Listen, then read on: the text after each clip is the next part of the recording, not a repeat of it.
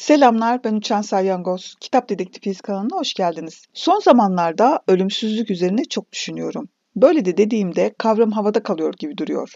Hmm. O zaman bu kelimeyi de kendisi gibi zamansızlaştırmak gerekli.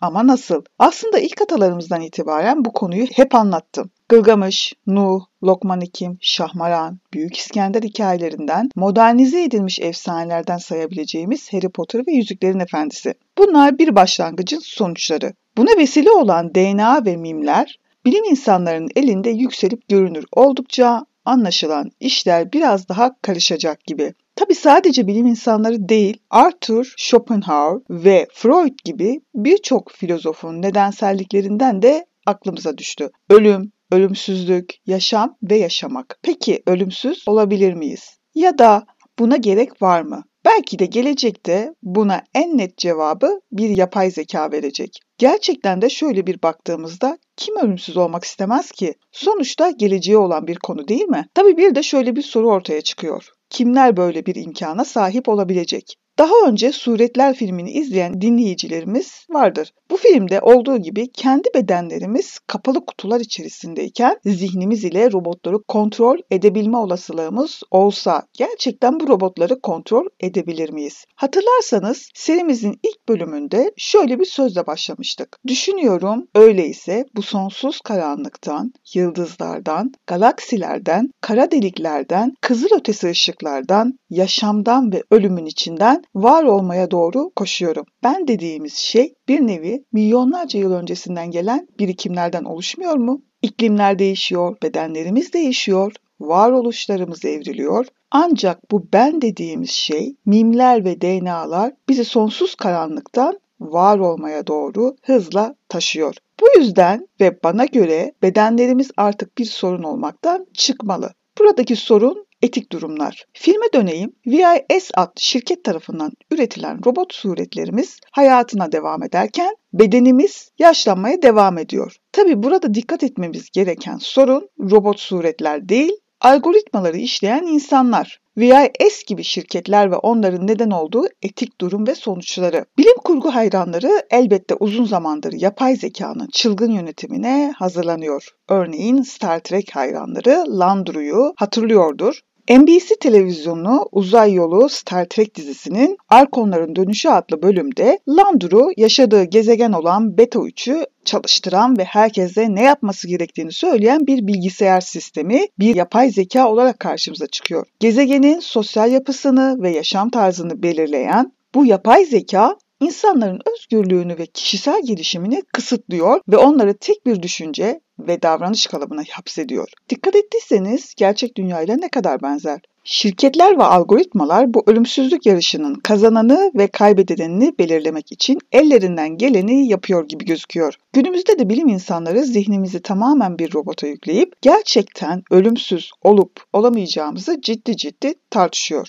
Bu tartışmaların arasında kontrollü bir zihin de var. Bizim sevgili filozoflara dönüp baktığımızda René Descartes'a düşünüyorum o halde varım sözü sadece ruhumuzun varlığına bir kanıt. Aslında biraz da sorunlu bir söz gibi duruyor. Descartes 17. yüzyılda tüm hayvanları bir robot ya da otomat misali kendi kendine işleyen akılsız varlıklar olduğunu ileri sürerken sadece insanların hissedebileceği ve arzulayabileceği inancını koruyordu. 21. yüzyılda da hala bu inancın devam ediyor olması pek şaşırtıcı olmasa gerek. Kafa karıştırıcı olan ise şaşıramadıklarımızın ürkütücü bir duruma bürünüyor olması. Bu serinin en başından itibaren söylediğimiz şey aslında insan kendisini doğadan ayrı değil, doğanın bir parçası olarak gördüğü bir dünyada anlam ve saygınlık bulabilir. Bu durumda ölümsüzlükle kafayı bozan biz, ölümsüzlük denilen şeyi bir şekilde her kalıba sokabilir miyiz? Tehlikeli bir düşünce değil mi? Dediğim gibi etik bir durum çıkıyor ortaya. Algoritmaların nasıl yazılıp çizileceği önemli. Aslında bu duruma değinen gazeteciler cemiyeti için Erkan Saka'yla bir podcast yayını yaptık. Bu podcast yayınına kadar eğer paylaşırsa Kitap Dedektifiyiz Instagram hesabından paylaşımını gerçekleştireceğiz. Yapay zekanın ciddi anlamda doğuşuna baktığımızda karşımıza Alan Turing çıkıyor. İkinci Dünya Savaşı'ndan sonra başta Turing olmak üzere pek çok araştırmacı bağımsız olarak yapay zeka üzerinde çalışmaya başladı. Yapay zekanın fikir babası olarak genellikle Turing kabul edilse de yapay zeka terimi ilk kez Turing makalesinden yaklaşık 6 yıl sonra 1956'da Dartmouth Koleji'nde düzenlenen bir atölyede Resmi olarak Marvin Minsky, John McCarthy, Claude Shannon, Nathan Rochester gibi bilim insanları ile birlikte John McCarthy tarafından ortaya atıldı ve bu durum bilimsel ortamlarda tartışılmaya başlandı. McCarthy yapay zekayı akıllı makineler üretime bilimi ve mühendisliği olarak tanımladı. Bu döneme yapay zekanın ilk yazı diyebiliriz. Hatta daha sonra yapay zeka tanımını kullandıkları için pişmanlık da duyulmuş. Tabii yapay zekanın ilk yazı ile birlikte Arthur Samuel'in 1956'daki dama oyuncusu takviyeli öğrenmeyi kullanarak kendi geliştiricisinden daha iyi oynamayı hızlı bir şekilde öğrendi. Peki takviyeli öğrenme nedir? Bir yapay zeka aracının yani insanlarla yapay zeka sistemleri arasında iletişim kurmaya yardımcı olan bir arayüzün ödül tabanlı bir sistem aracılığıyla hedefine ulaşmak için çevresindeki ortamla nasıl etkileşime gireceğini öğrendiği bir tür yapay zeka algoritmasıdır. Ödül tabanlı sistem aracı nedir diye baktığımızda bir yapay zeka veya makine öğrenimi modelinin eylemlerini belli bir hedefe ulaşmak için optimize etmeye çalıştığı bir çerçevedir. Kısaca bir ödül veya ceza mekanizması kullanılarak davranışlar yönlendiriliyor. Size de tanıdık geldi mi bilmiyorum ama insanlardaki ve hayvanlardaki deneme yanılma yöntemine ne kadar da benziyor değil mi? Yani mesela kötü bir deneyim yaşadıysanız ve acı çektiyseniz artık öğrendiğiniz bir şey var. Bir daha acı çekmemek. Belki de dama oyuncusu programı televizyonda gösterildiğinde büyük ses getirmesinin sebebi bu olabilir. Deneyimlerinden ders çıkaran bir program. Dikkat edin hala bir program. İşte bu yapay zeka programı 1992'de dünyanın en iyi tavla oyuncularından biri olan Tid Gemin ve 2016'da dünyayı şok eden AlphaGo gibi daha sonraki sistemlerin atası olarak kabul ediliyor. Didi Gemi'nin algoritmasına baktığımızda kendisine karşı oynayarak ve sonuçlardan öğrenerek tavla oynamayı kendisine öğretebilen bir sinir ağı olduğunu görüyoruz. Bu gelişmelerin devamında yapay zeka çalışmaları hız kazandı ve sırasıyla Aziz, Benzeşim, Eleyza, Bilgin ve Stajyer gibi önemli yapay zeka programları geliştirildi. Teknolojik gelişmelerin hız kesmeden ilerlediği 1957'lere gelindiğinde derin öğrenmenin öncüsü olarak bilinen psikolog Frank Rosenblatt, Cornell Üniversitesi'nde Mark bir perceptronu geliştirdi. Bu erken dönem yapay sinir ağı iki katmanlı bir bilgisayar öğrenme ağıyla desen tanımayı mümkün kılmasıyla dikkat çekti. Rosenblatt'ın çalışması yapay zeka ve bilgisayar biliminin temel taşlarından biri olan bu yapay sinir ağıyla desen tanıma alanında önemli bir adımın atılmasını sağladı. Deneme yanılma yoluyla öğrenme yeteneğine sahip analog bir sinir ağıydı. Daha doğrusu algılayıcı, giriş verilerini iki potansiyel kategoriye ayırabilen tek katmanlı bir sinir ağıydı. Sinir ağı sol veya sağ diye bir tahmin üretiyordu. Eğer bu tahmin yanlışsa daha doğru sonuç elde etmeye çalışıyordu. Rosenblatt kendine adadığı bu araştırma ile ilgili şöyle bir yazı da yazdı. İnsani niteliklere sahip makinelerin yaratılması ile ilgili hikayeler uzun zamandır bilim kurgu dünyasında büyüleyici bir alan olmuştur. Bir yapay zekanın herhangi bir insan eğitimi veya kontrolü olmadan çevresini tanıyabilmesi neden olmasın? Rosenblatt haklıydı ama bunu kanıtlaması yarım asır sürdü. En sonunda New York Times Perceptron'u donanımın yürüyebileceğini,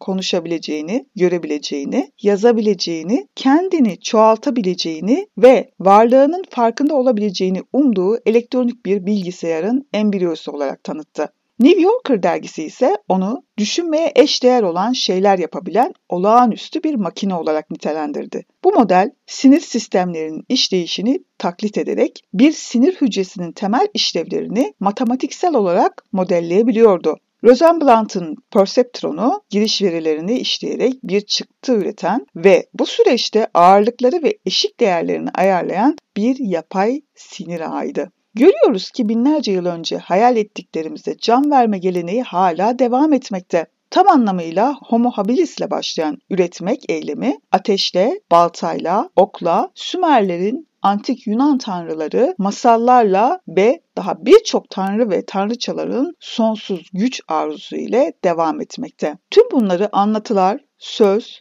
dil ve gösterge devrimiyle ayrı tutamayız. Elbette hayatta kalmak tüm bunları içine çeken etken gibi gözüküyor. Ne demiştik? Ölümsüzlük, azizim ölümsüzlük. Bu da yaşamın içinden çıkan bir durum gibi gözüküyor. Devamında 1957'de Simon, Newell, Shaw adlı 3 bilim insanı insan beyninin problem çözme protokollerini taklit etmek üzere tasarlanan ilk akıllı dil programı olan genel problem çözücü yani GPS'i geliştirdi. Ve yine 1957'de bilgisayar tarihindeki ilk yüksek seviyeli programlama dili olan Fortran oluşturuldu. O dönem için devrim niteliğinde bir dil olarak kabul edilmişti. Çünkü makine diline göre çok daha okunabilir ve yazılabilir bir yapıya sahipti. Bu programcıların daha hızlı ve hatasız kod yazmalarına olanak tanımıştı. Fortran'ın getirdiği bu devrimin ardından bir yıl sonra 1958'de teknoloji ve bilgisayar dünyasına başka önemli bir adım daha atıldı. Hans Peter Lohn, Araştırma ve Geliştirme dergisinde bir iş zekası sistemi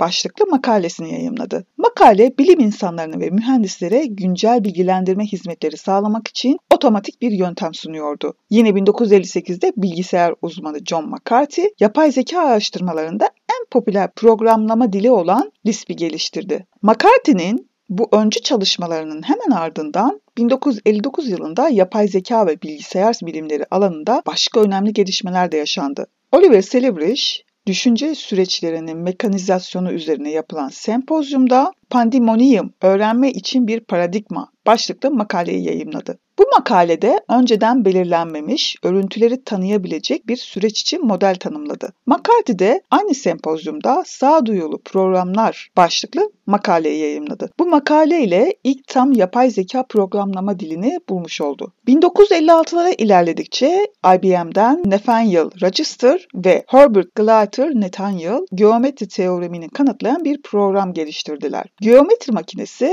birçok matematik öğrencisinin oldukça zor bulduğu geometri teoremlerinin kanıtlarını sunabiliyordu. Buraya dikkat. Fortran'da yazılan geometri makinesi programı bir görevi insan gibi gerçekleştirebilen ilk yapay zeka programlarından biri olarak kabul ediliyordu. Çok daha ileriye gidelim. Evreni büyük bir bilgisayar olarak gören Edward Franklin 1960 yılında ilk bilgisayarlardan biri olan PDP-1 üzerinde çalışıyordu. Üniversiteden hiç mezun olmamasına rağmen Massachusetts teknoloji endüstrisinde profesör veya yapay zeka alanında önce olan başına buyruk bir teorisyendi. Friedkin 1977'de The New York Times'a verdiği röportajda mühendislik ve bilimin birleşimi gerekiyor ve biz zaten mühendisliğe sahibiz der. Yani İnsandan daha iyi düşünen bir makine üretmek için insana dair her şeyi anlamamıza gerek yok. Hala tüyleri anlamıyoruz ama uçabiliyoruz demesi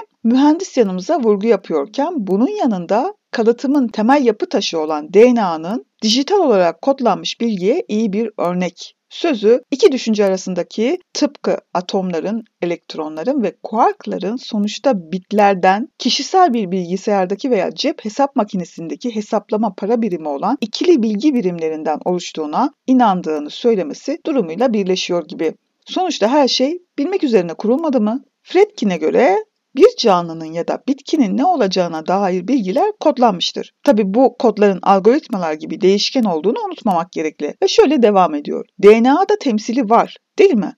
Tamam artık o bilgiyi alıp yaratığa dönüştüren bir süreç var. Uzak gelecekte bilgisayarların ne yaptığını veya neden yaptığını bilmeyeceğiz. Ama buna rağmen Açık bir şekilde akıllı makineler ortaya çıktığında onlar şempanzelere hükmetmek veya sincaplardan fındık almakla ilgilenmeyecekleri gibi oyuncaklarımızı çalmakla veya bize hükmetmekle de ilgilenmeyecekler. Demesi durumu biraz daha aydınlatıyor gibi. Bu arada uzun süre meslektaşı olan Gerald Sussman bir telefon görüşmesinde Edward Fredkin'in günde çoğu insanın bir ay içinde sahip olduğundan daha fazla fikri vardı. Çoğu kötüydü ve o da bu konuda benimle aynı fikirdeydi. Ancak bunların dışında iyi fikirleri de vardı. Bu yüzden hayatı boyunca çoğu insanın sahip olduğundan daha iyi fikirleri vardı. E o zaman fikir sahibi olmaktan da korkmamalıyız değil mi? Belki de bizler kodlarımızı kullanarak, yapay zeka da algoritmalarını kullanarak daha iyi fikirler üretebilecekler. Bunu zamanla göreceğiz. Ayrıca şunu da belirtmem gerekiyor. Edward Franklin 1988'de The Atlantic Monthly'ye verdiği bir röportajda makinelerle her zaman iyi anlaştım demesi ve benim de makinelere karşı bunu hissetmem ikimiz arasında şöyle tatlı bir bağ oluşturdu sanki.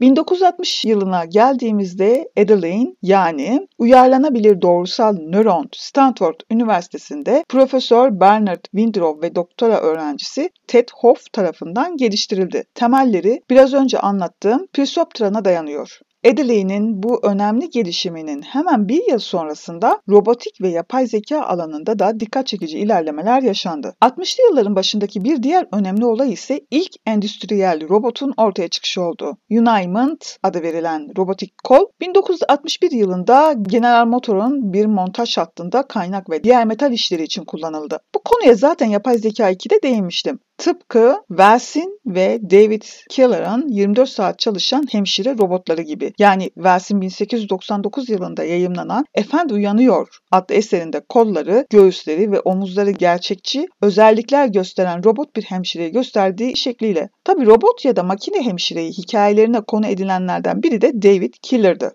1928'de Amazing Stores'ta yayınlanan bir hikayesinde bebek bakımından sorumlu makine hemşiresinden bahsediyor. 24 saat çalışan, herhangi bir ücret almayan, seslere duyarlı makine emirleri yerine getirmek için cümle yerine rakamlarla komut alıyordu. Yine 1961'de James Snagley, Saint adında sembolik entegrasyon problemlerini çözen buraya dikkat, sezgisel bir program geliştirdi. 1962'lere doğru geldiğimizde ilk mobil robot olan Shake'i inşa edildi. John McCarthy ve Bertram Raphael gibi öncü bilgisayar bilimcileri tarafından yönetilen bir ekip tarafından inşa edildi. Adını sarsık hareketlerinden alan robot Shake, basit görevleri otomatik olarak gerçekleştirebilmek için yapay zeka tekniklerini kullanıyordu. Özellikle bir odayı gezebilir, engelleri tanıyabilir, onlardan kaçınabilir, ayrıca belirli nesneleri tanıma yeteneğine sahipti. Shake'nin geliştirilmesi robotik ve yapay zeka alanında önemli bir kilometre taşı olarak kabul edildi. Yapay zeka araştırmalarında kullanılan birçok temel algoritmanın ve yaklaşımın geliştirilmesine öncülük etti.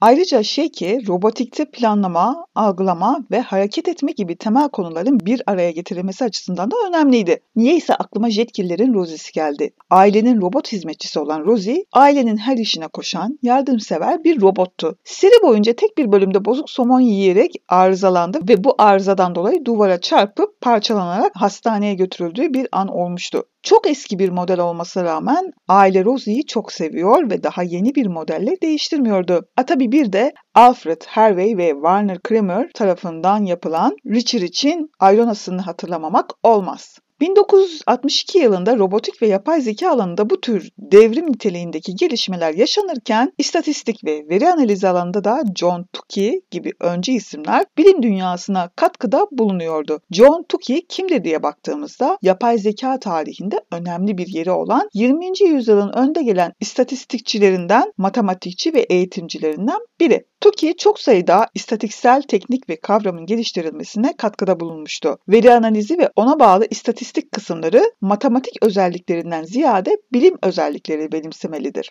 Veri analizi esasen ampirik bir bilimdir. Derken aslında insan beynini boş bir levhaya benzetmesi ilginç bir anlam katmış tartışmalı bir durum gibi. Ayrıca bilgisayar biliminde en temel veri birimi olan bit terimini bilgisayar biliminde kullanılmak üzere öneren kişiydi. Tuki'nin bu önemli katkılarına paralel olarak 1963 yılında yapay zeka alanında önemli gelişmeler yaşanmaya devam etti. 1963'te Marvin Minsky yapay zeka kullanım durumları için bir basitleştirme yaklaşımı önerdi. Marvin Minsky ve Seymour Papert, yapay zeka çalışmalarının daha küçük yapay ortamlarda akıllı davranışlar sergileyebilen programlar tasarlamaya odaklandığını öne sürdü. Düz bir yüzey üzerine dizilmiş, farklı şekil ve büyüklükteki renkli bloklardan oluşan blok evreni pek çok çalışmaya konu olmuştur. Microworld adı verilen çerçeve daha sonraki çalışmaların omurgası oldu. Örnekler James Suglin'in 1963'teki kapalı form analiz entegrasyon problemlerini çözmek için SAINT programı, Tom Evans'ın IQ testinin geometrik problemlerini çözmek için 1964'teki analogisi ve 1967'de Daniel Bobrov tarafından LISP'de yazılan Student programıydı. Ve 1964'te bilgisayar bilimcisi Daniel Bobro, Massachusetts Teknoloji Endüstrisi'ndeki doktora tezini bilgisayar problemi çözme sistemi için doğal dil girişi başlığıyla tanımladı. Biraz önce belirttiğimiz doğal dili anlayabilen Student adlı bilgisayar programını geliştirdi. Student, cebirsel ifadeleri ve problemleri çözebilen bir yapay zeka programıydı. Özellikle doğal dilde verilen cebirsel kelime problemlerini anlama ve çözme yeteneğine sahipti. Bu tarihlerde ufak ufak gelişen haberlerden de bahsetmek istiyorum. Okumak, bilgi edinmek ve hayal etmek bir bütün olduğunda karşımıza çıkanlar pek eğlenceli bir durum haline geliyor. Ama önce 1730'lardan ilginç bir dahinin otomatından kısaca bahsetmek istiyorum. Bahsedeceğim hikaye Fransız mucit Jacques de Vacance'ın otomat ördeğidir. 1730'larda Fransız mucit Vakans'ın bir dizi karmaşık ve ürkütücü derecede gerçekçi otomatlarla izleyicileri büyüleyen biriydi. Dediğim gibi Vakans'ın asıl başyapıtı 1738-39 yılları arasında bir sergide bir kayda üzerine monte edilen bir kuştu. Bu kuş bir yandan vakvaklarken kanatlarını kaldırıp indirebiliyordu. Su havuzuna sıçrayabilen ve tuhaf bir şekilde izleyicilerin ellerindeki tahılları gagalayabilen ve önceden yüklenmiş bir atığı gümüş bir tabağa dışkılayabilen, sindiren bir otomat ördekti. Sizin de dikkatinizi çekti mi bilmiyorum ama asıl mucize yiyecek ve suyun inanılmaz bir yaratık tarafından sindirilmesiydi. Tabii ördekten çıkan atık zaten farklı bir renkteydi ve bu sindirim sürecinin gerçekleşmediğini görebiliyoruz. Sadece ürünler bir bölümde saklanıyordu ve dışkı diğer bir yerden dışarı çıkıyordu. Türünün ilk örneklerinden biri olan esnek kauçuk borular robot kuşun bağırsakları olarak hizmet ediyordu ve yiyeceğini gerçekten yutup sindirebildiği izlenimini veriyordu. Garip görünse de gübre biriktiren ördek 18. yüzyılda izleyicileri büyüledi ve Avrupa'daki birçok kraliyet sarayında sergilendi. Hatta Watkins'ın kendisini Prometheus'a benzeten ve Fransız yazar ve filozof Walter gibi insanlardan övgüler aldı. Watkins'ın ördeği olmadan size Fransa'nın ihtişamını hatırlatacak hiçbir şeyimiz olmayacak. Ya da Walter'ın dediği gibi Prometheus'un rakibi olan Watkins'ın hayat verme arayışında göksel ateşleri çalıyor gibiydi. Böyle der Fransız yazar ve filozof Walter. Yaldızlı bakır otomat hareketi taklit etmek için karmaşık bir kan ve kaldıraç koleksiyonunu döndüren ve düşen ağırlıklarla güçlendiriyordu. Her kanatta 400'den fazla hareketli parça bulunuyordu ve bugün bile bir sır olarak gizemini saklıyor. Şimdi biz bugünlerde yapay zeka ile ilgili birçok şeyi kabul etmeyip imkansız bulurken Vakans'ın bunu otomat ördeğiyle 1700'lü yıllarda açıkça gösterdi. Bundan 200 yıl sonra 1941'e baktığımızda Şaşırtıcı Bilim Kurgu adlı dergi yazar Robert Heinlein'ın öykülerine yer verdi. Tabi öykü serisinden oluşan bu yazılar daha sonra 1958'lerde tam uzunlukta bir romana dönüştürüldü. Bu öykülerden birinde ısmarlama bir giyim alışverişi deneyiminden şöyle bahsediliyor. Satış kabinlerinden birine oturdu ve eteğinin kod numarasını çevirdi. Kumaş tasarımlarının görüntüleri gözünün önünden geçerken mavi olmayan bir desen görene kadar kataloğun ikna edici sesinin devam etmesine izin verdi. Ve bunun üzerine ekranı durdurdu ve uygun olan kombinasyonu parmağıyla dokundu. Düz mavi üniforma eteğini satış standının çöp kutusuna tıktı zarif ve biraz gösterişli bir kıyafetle oradan ayrıldı. Tüketici ürünleri üreticisi Philco Ford Corporation 1967'de şirketin 75. yıl dönümünü kutlamak amacıyla 1999 Et adlı kısa filmi yaptı. Bu film 1999 yılını anlatan bir film modern, sosyal mesafeli, internet özellikli çevrim içi alışveriş deneyimine ilişkin oldukça iyi fikirler sunuyordu. Aslında geleceğin kaçınılmaz ilerlemelerini gösteriyordu. Otomasyon dünyasını maksimum sağlıklı ve düğme kültürünü sergiliyor, günlük yaşamı daha rahat ve kullanışlı hale getiren tüketici teknolojileriyle ve çok daha fazla ekranla dolu olan bugünkü dünyamızdan çok da uzakta değil gibi gözüküyor. Filmde ayrıca Michael adında bir adamın botanik kutusu olduğu görülüyor. Boş zaman zamanlarında genetiği değiştirilmiş dev bir şeftali üzerinde çalışıyor. Tuhaf meyve 1961 Roald Dahl'ın romanı James ve Dev Şeftali'de de belirgin bir şekilde yer veriliyor. Büyük çekirdekli meyveler 1960'larda fütürist hayal gücünün bir parçası mıydı bilmiyorum ama Michael şeftalinin hücre yapısının fotoğraflarını gösteren bir ekranın biz Filmde esasen bacaklar üzerinde dev bir